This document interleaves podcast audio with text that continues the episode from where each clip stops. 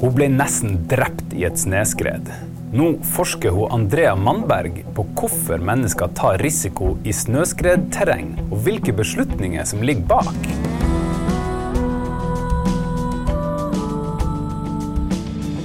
Observatoriet. En forskningspodkast fra UiT Norges arktiske universitet. Med Geir Hevnskjell Ringvold, mannen som lurer på det meste, og Marit Anne Hauan, som bokstavelig talt lever av fortellinger. Og en ny, spennende forsker hver uke.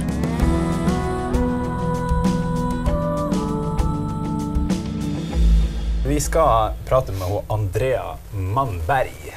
Hun er svensk. Eh, första Førsteamanuensis ved Handelshøgskolen ved Universitetet i Tromsø, Norges arktiske universitet. Og eh, en del av et kompetansesenter som heter Center for Avalanche Research and Education, altså CARE, eh, som er forkorta. Og en prisvinnende formidler. Og eh, nesten blitt drept i snøskred.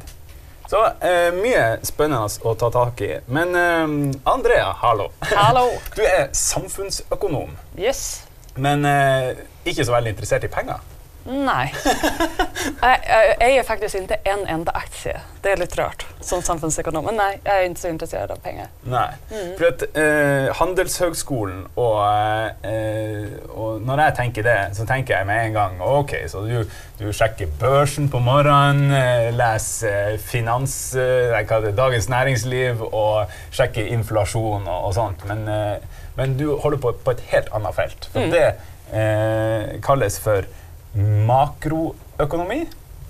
Og du er mest interessert i mikroøkonomi. Absolut. Alltså makroekonomin är ju kämpeintressant och kämpeviktig och jag undervisar på det. Men när jag forskar så ser jag på mikroekonomi. Hva er det?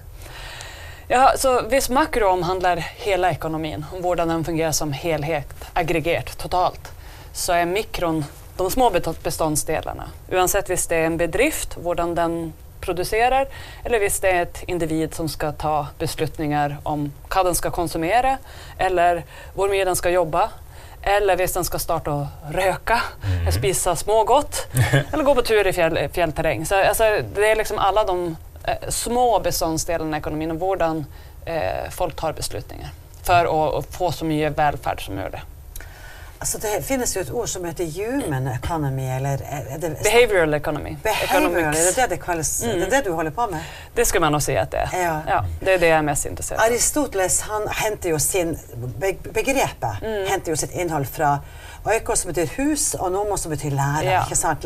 Om hus. Altså Ja. husholdning. Ja. Det, det betyr økonomi. Sånn når du kan plain. Ja. Og husholdning kan jo være ikke sant? Vi husholderer med det vi har. ikke sant? Aristoteles han la til at det var to forskjellige økonomier. En var den husholdningens økonomien, og den andre var berikelsens økonomi. Og så kommer du med en tredje, nemlig Nei. mikroøkonomien. Eh, hvor mange økonomier finnes det? Ja, nej, jag är inte enig med det där. För Åh, ja. att, eh, alltså, hushållning, alltså, vad betyder det? Det betyder att vi har inte ändliga mängder resurser. Och det är egentligen det som samhällsekonomi omhandlar. Alltså, visst, vi hade oändliga mängder resurser. Eh, Vad är en resurs? Det kan vara vår flink, alltså vår smart jag är. Det kan vara hur mycket tid jag har. Det kan vara hur mycket hälsa jag har. Alltså, hvis jag hade oändligt mycket hälsa så skulle jag kunna röka. Det spelar ingen roll. Alltså, själv om hälsan blir reducerad så kan jag röka hur mycket jag önskar. Eh, Men det kan också vara pengar och, och så vidare. Och tid är ju en- är också en begränsad resurs. Och det samhällsekonomi omhandlar är alltså hur tar vi beslutningar när vi har ändliga resurser. Så det är hushållning med resurser. Och sen kan vi då göra en antagelse. eh, Alltså, varför tar vi de här beslutningarna? Ja, det är ju för att berika oss. Alltså det är ju för att vi ska må så bra som möjligt. När jag väljer, och jag går på Rema eller Spar och köper mig en Snickers så gör jag ju det för att jag önskar att få den Snickersen. Och då må vi spöra oss, är det här ett rationellt val? Så att jag tar den Snickersen och så blir jag kämpeförnöjd. Det var eh, priset, jag syntes att priset var, alltså kostnaden var gott nog för det jag fick för den. Och så blev jag kämpeglad. Eller är det så att jag köpte den där in the heat of the moment för jag var lite sulten och egentligen så håller jag på att slanka mig. Så kommer jag hem och säger spis den och så tänker jag så här, attans, det här var ingen god idé. Ja, jag ångrar mig. Ja. Då är vi icke-rationella. Eh, men allt det här är samhällsekonomi.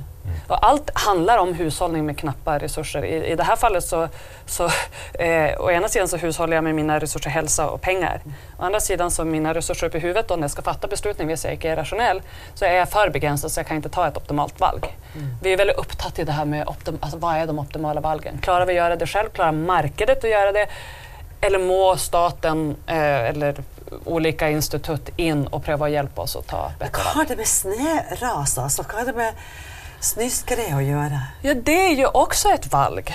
Och det är också en hushållning med knappa resurser, återigen hälsa. Eh, men i det här har vi tillägg osäkerhet. Så när jag går ut i fjället, alltså varför gör jag det? Det är ju för att jag likar det. Vad får jag ut av det? Jag får njuta av naturen, jag eh, blir eh, spräk, eh, jag har det göj med mina vänner, eh, jag lär mig mästra och stå på ski. Det är en massa goda ting som får. Sen, för samhällsekonomi omhandlar väldigt mycket att eh, väga vinster mot kostnader. Det är mina vinster, Sen har jag kostnader, det tar tid. Jag kan inte jobba när jag liksom tjäna pengar till konsum eh, och för andra ting. Och så har jag den här risken. Och så kanske, det är inte bara snöskred, Då kanske jag visst jag trynar, eh, jag kan knäcka läggen. Eh, eller visst jag blir tatt i ett snöskred. Och där har vi, så här har vi kostnader mot vinster och så har vi osäkerhet. Vi vet ju faktiskt inte Alltså, det är inte så att vi vet att det går ett snöskred och det går lite snöskred så att jag reducerar hälsan lite. Utan antingen går det snöskred och då kan det gå bra eller dåligt. Eller så går det icke snöskred. Um, så att det är fortsatt en... Jag, jag hushållar med knappa resurser och jag ska fatta ett beslut och vi må återigen spöra oss. Visst jag nu blir tatt ett snöskred, så säg att jag fattar beslutet, jag syns att det är värt att gå ut. Det går snöskred, blir tatt, efterpå ser jag att jag, gjorde en kalkylerad, jag tog en kalkylerad risiko, men det var värt det. Eller sitter jag där efterpå och säger Hä? Du har ju varit eh, i ett eh, ganska allvarligt eh, snöskred själv. Mm. Eh, har du lust att berätta historien om eh, det? Ja, det kan bli en väldigt lång historia. Jag ska pröva göra det kort. Då. Ehm, det var jag och min eh, kärste och en av mina bästa vänner som var i Kittelfjäll i Västerbotten i Sverige. Eh, det var 2014 i februari. Eh, och det hade snödd väldigt mycket.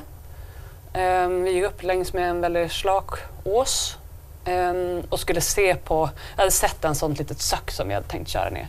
När vi, när vi kom upp så ovanför trädgränsen, vi fick en massa goda tänk på att det var instabilt. Uh, det hade snöd väldigt mycket. In, instabilt alltså? Ja, instabil snö. Yeah. Um, så det finns en massa sådana uh, jag ska säga, ledtrådar eller cues som man får när man är ute. Man kan säga så här, är det mycket vind? Mm. Uh, det var inte mycket vind där vi var, snön låg på träna men vi kunde se att det var vind högre upp.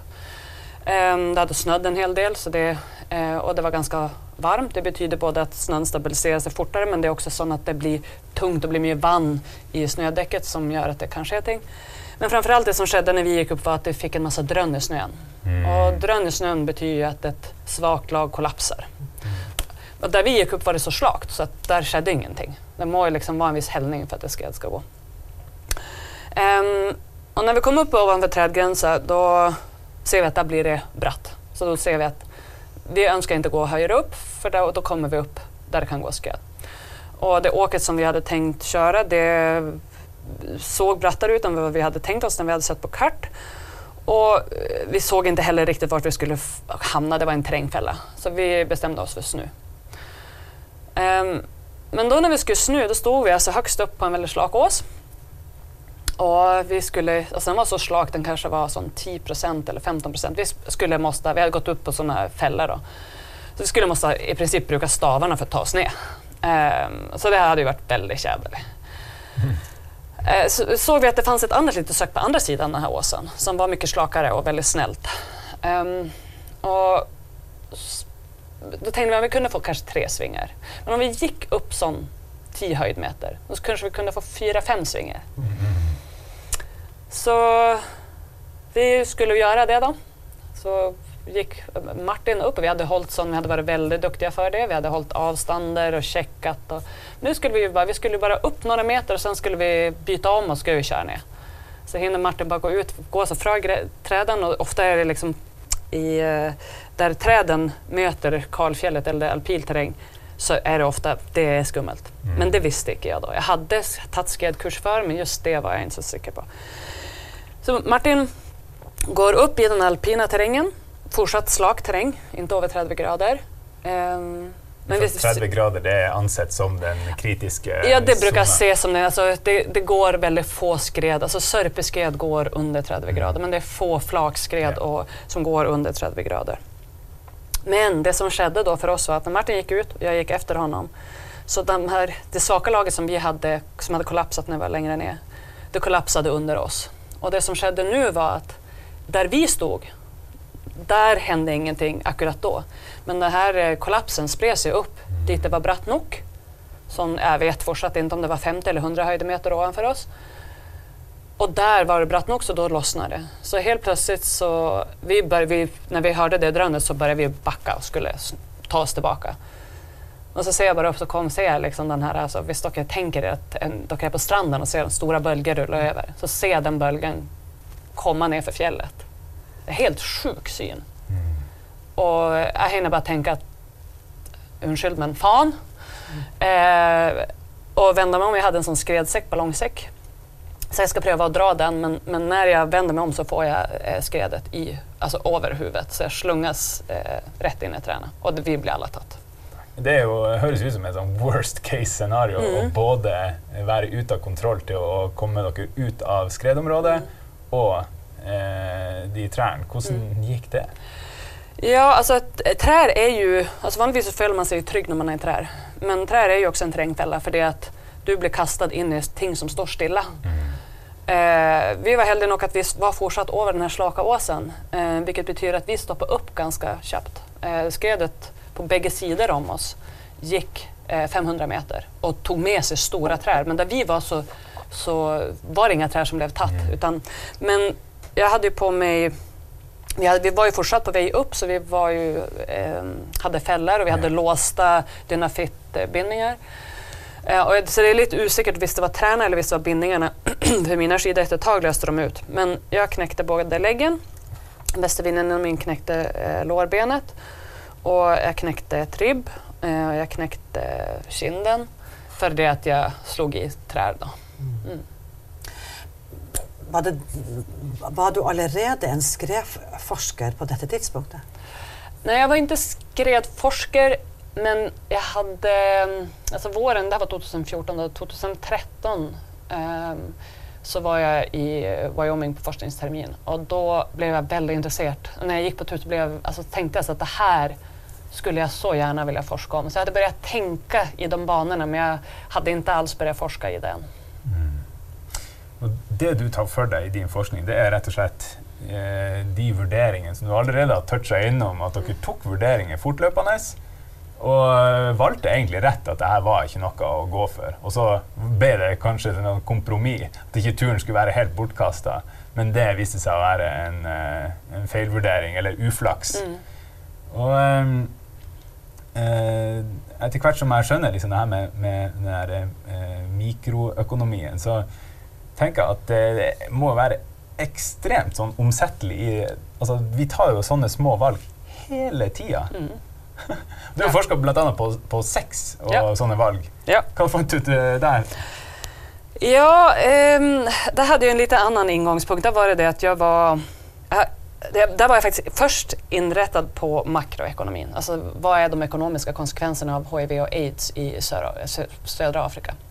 Men så drog jag till Malawi och så insåg jag att så, uh, makroekonomiskt, alltså det, det, här är ju en tragedi på mikronivå. Tragedi, ja. ja.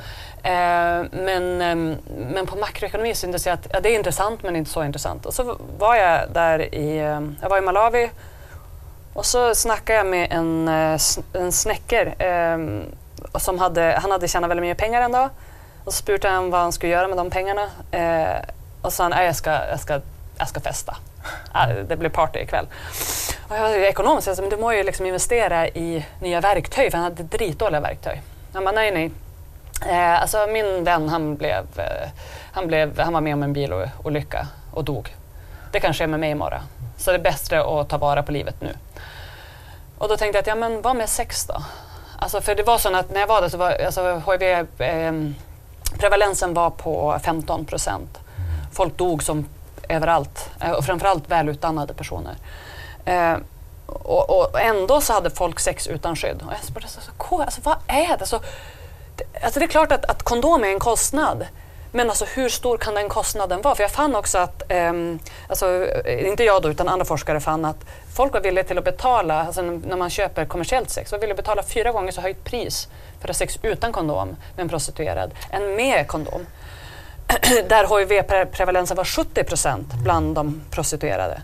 Så, men alltså, hur hög kan kostnaden vara för en kondom? Men visst man tänker sig att du får, du får hiv nu, du utvecklar aids om 8 till 10 år. Du, du, du, lever i ett fattigt land, det är kämpemycket trafikolyckor, eh, du kan få tuberkulos, du kan få malaria, du kan få hepatit, massa ting. Du är fattig, du må få mat på bordet för dagen. Om tio år, vem vet vad som sker då? Så där var jag väldigt fokuserad på det här med osäkerhet för framtiden. Men också om alltså, det här om, om när vi... Eh, det, jag menar, som ekonom, en traditionell ekonom tänker sig att vi är rationella personer. Och jag kan sitta hemma på kammaren och tänka att ja, jag ska jag ska bruka kondom, det är självklart, ska jag göra det? Eller jag ska inte ha sex överhuvudtaget på det hela tatt. Och så går jag ut och så träffar jag någon som jag syns är väldigt härlig och vi ska till oss så blir jag ju ganska gira. Och då blir mitt tidsperspektiv väldigt kort. Helt plötsligt. Jag tror att alla har varit i den sekunden när man tänkt så att äh, jag ska inte bli med barn eller jag ska skydda mig och sen helt plötsligt så är man bara där så bara, jo men det är värt det, det är värt det. Och så ett på så bara, nej det var inte värt det. Det man kallar YOLO. ja. You only live once. Ja, och det, och det syns du akkurat när du gör det och sen efterpå så kanske får lite ångest. Ja. Um, och men, det är ju relaterat till... Så detta projekt i Malawi, det blev en avhandling? Eh, ja, det, det, jag skrev min master i Malawi och sen så skrev jag min avhandling när jag kom, kom hem om sexuell risikotagning. Mm. Mm. Når dere har dette kompetansesenteret for forskning og utdanning innenfor snøskred, så eh, må vi jo snakke litt om at dette er helt nytt. Det at man tenker at man trenger kompetanse og utdanning innenfor dette, er helt nytt. Så det her å å ta på seg randene opp- og nedski, som jeg kaller det for, og gå til en topp og kjøre ned, er jo en ganske ny sportsgren. Og de, de, de jo siste kanskje 20, 10 årene spesielt, men vi kan maks strekke det til 20 år, at vi snakker om at vi har tapt mange mennesker i snøskred fordi menneskene går på ski. Alltså vi har ju haft utdanning, i, alltså, det har funnits utdanning i snöskred men den har tidigare varit, alltså hvis man ser på snöskredfaget och nu är inte jag någon egentligen expert innanför det, men så har den varit väldigt, hvis vi ser tidigare så var det väldigt fokuserat på alltså vad är det som orsakar att ett skred går. Mm. Alltså den tekniska, eh, naturvetenskapliga delen av det. Eh, och, och, sen under de, det som har skett under de senaste åren är att man har insett att ja, det finns ju, man har alltid sett att det finns en till faktor och det är mänskligt. Mm. Men det är framförallt under de senaste åren det var egentligen 2000 som Mike McGammon tog upp det. Det har väl varit 2002 var han, men alltså Atkins 2000 som började snacka om så här, vad är det för mänskliga, alltså psykologiska faktorer som gör att det här, att vi fattar dåliga beslut, att vi missar alla de här tänk, alltså precis som vi gjorde. Vi hade drön i snön. Mm.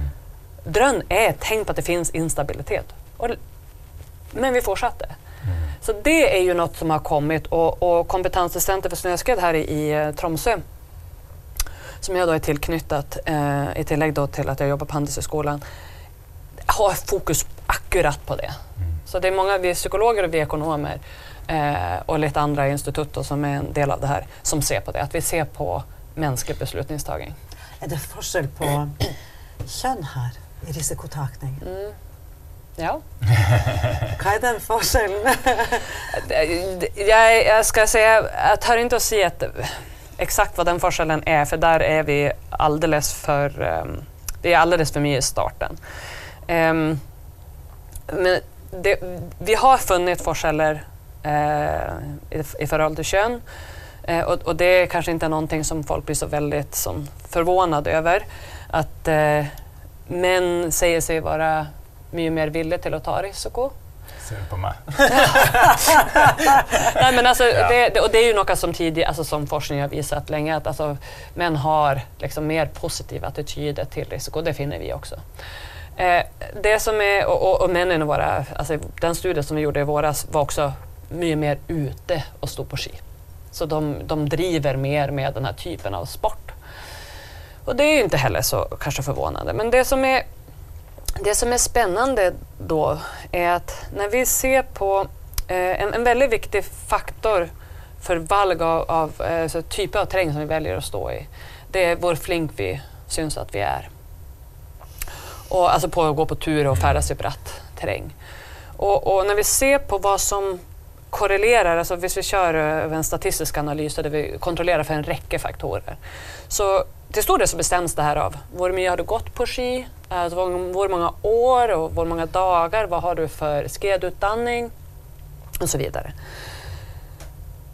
Men när vi kontrollerar för det och när vi kontrollerar för risikoattityd så syns män fortsatt att de är flinkare. Alltså de, de säger att de är på en högre nivå än vad kvinnor är. Så vi, vid alla, och det här är alltså vid alla nivåer på erfaring så syns män att de är flinkare. Eh, vi ser också att risikoattityder påverkas. Folk som har högre, eh, är mer positiva attityder till risiko blir oftare eh, har mer eh, erfaring av skred. Men när vi kontrollerar för de här faktorerna så ser vi återigen att, att män är överrepresenterade bland de som har blivit tatt i skred. Men det, det, är ju skummelt. Altså, de har ju advarselen lyder att eh, kvinnor, när de går på tur med män, så tar självständiga beslutninger. Inte hör på dessa risikovilliga karlarna. ja, alltså, vi måste definitivt liksom, eh, se eh, närmare på, liksom, på det här. Eh, Matthew Stevenson som tar sin PhD eh, vid Institutet för psykologi, eller visst det är nu i Idrottshögskolan, jag är lite osäker där. Eh, men han är knuten till CARE. Eh, han har sett på vår, vår säker vi är på våra värderingar. Och han ser att, han hade ett svärt litet exempel. Så återigen, vi får ta det här med väldigt mycket nypor av salt. Mm. Men det är väldigt intressant för att han ser att om vi ser bara kun på vår säker vi är, och så ser vi hur det korrelerar med eh, självvärderad flinkhet och erfaring. Så ser vi att, att kvinnor, visst de har lite erfaring eller syns att de inte är så flink, så är de väldigt osäkra i sin värdering. De syns själva, som säger att de fick spöra liksom, ja men hur farlig är det här och hur säker är du på din värdering? Och säger kvinnor, jag är, jag när jag har lite erfaring. Och sen ju mer erfaring de har, desto mer säker är de. Men för män så är det i princip ingen ändring. Så oavsett vilken erfarenhet de har så är de fortsatt säker. Så, och, återigen, vi må se på det men det här är något som i vart fall jag, och, och nu det här är inte vetenskap då, eh, men som jag syns mig se att visst du spör en man så säger han ja, så här syns jag, sån här är det. Och visst du spör en jente så säger han ja, jag tror att det är sån här, väldigt osäker. Mm. Och Visst det nu är sån, jag, ska inte säga, jag vet ju inte att det är sån, för det må vi se på. Men visst det är så om vi tänker oss att vi är ute i terränget och så ska vi ta en beslutning. Och så säger jag att alltså, jag tror att det är farligt. Men jag är, jag är inte säker i min bedömning. Och så har jag någon i gruppen som säger att jag tror att det är sån och jag är helt säker på det. Så är, då blir det ju en olik, alltså vem är det då som tar beslutningen? Um, så det är, nog, det är, nog, det är väldigt, väldigt intressant. Som, men vi, det, nu är vi ju så, vi må liksom se mer på allting, så vi ser mer sådana klus överallt. Som så det här må vi se på. Är det sån? Som vi anar. så följ med på. Vill ja, det? Väldigt, väldigt, väldigt spännande. Det är väldigt lätt att liksom, när vi snackar om riskåtagning så är det väldigt lätt att tänka sig att ja, men folk är gal som ger sig ut i skredterräng och, och riskerar att dö. Eh, och att, att, vi som forskar om det önskar att få folk till att sluta med det. Och det är ju inte något som vi önskar. Alltså det är inte det som jag tror är, är liksom, det, dit vi ska nå. Utan för folk, det, det är bra att folk ger sig ut. För Selvis vi ser att det är många som blir tatt och Troms är verkligen det, är det fylket som har flest döda i snöskred i Norge. Så är sannsynligheten synligheten blir tatt av skred svärt lav. Och så visst, jag blir tatt och skred. Det finns en massa kostnader med det. Jag kan, jag kan ha ihjäl eh, andra människor, jag kan ödelägga eh, skog och infrastruktur och jag hamnar på psykehus, det kostar skattemedel och så vidare. Men det finns ju också väldigt goda, alltså stora gevinster av det. Alltså min hälsa påverkas positivt, jag blir glad, vilket gör att folk runt omkring mig får vara med en hyggligare person. det är ju en, alltså, kostnader och gevinster handlar inte bara om pengar, utan det här är ju liksom gevinster som folk får. Jag blir mer produktiv på jobb för att det är att jag är starkare och gladare, får mindre sjukdomar, hjärt och kärlsjukdomar. Det är ju någonting som är extremt positivt. Och, och sedan sannsynligheten är så låg, det är som att vi skulle säga att nej, men det sker, sker trafikolyckor. Folk ska inte vara i trafiken.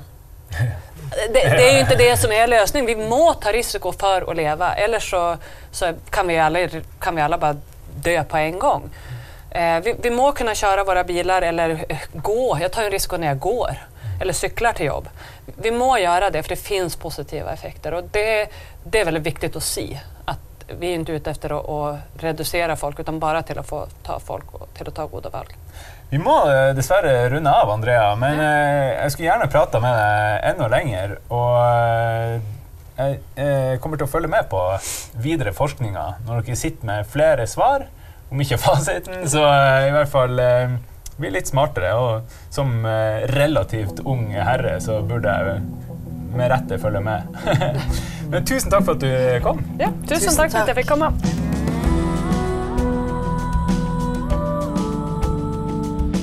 Kjære lytter, takk for at du hørte på. Husk at du kan abonnere på oss på iTunes og Soundcloud, og følge oss på Facebook, der vi heter Observatoriet podkast. Du kan også lese mer om forskninga til gjestene våre på uit.no 50, tallet 50. Så håper jeg vi høres igjen neste gang.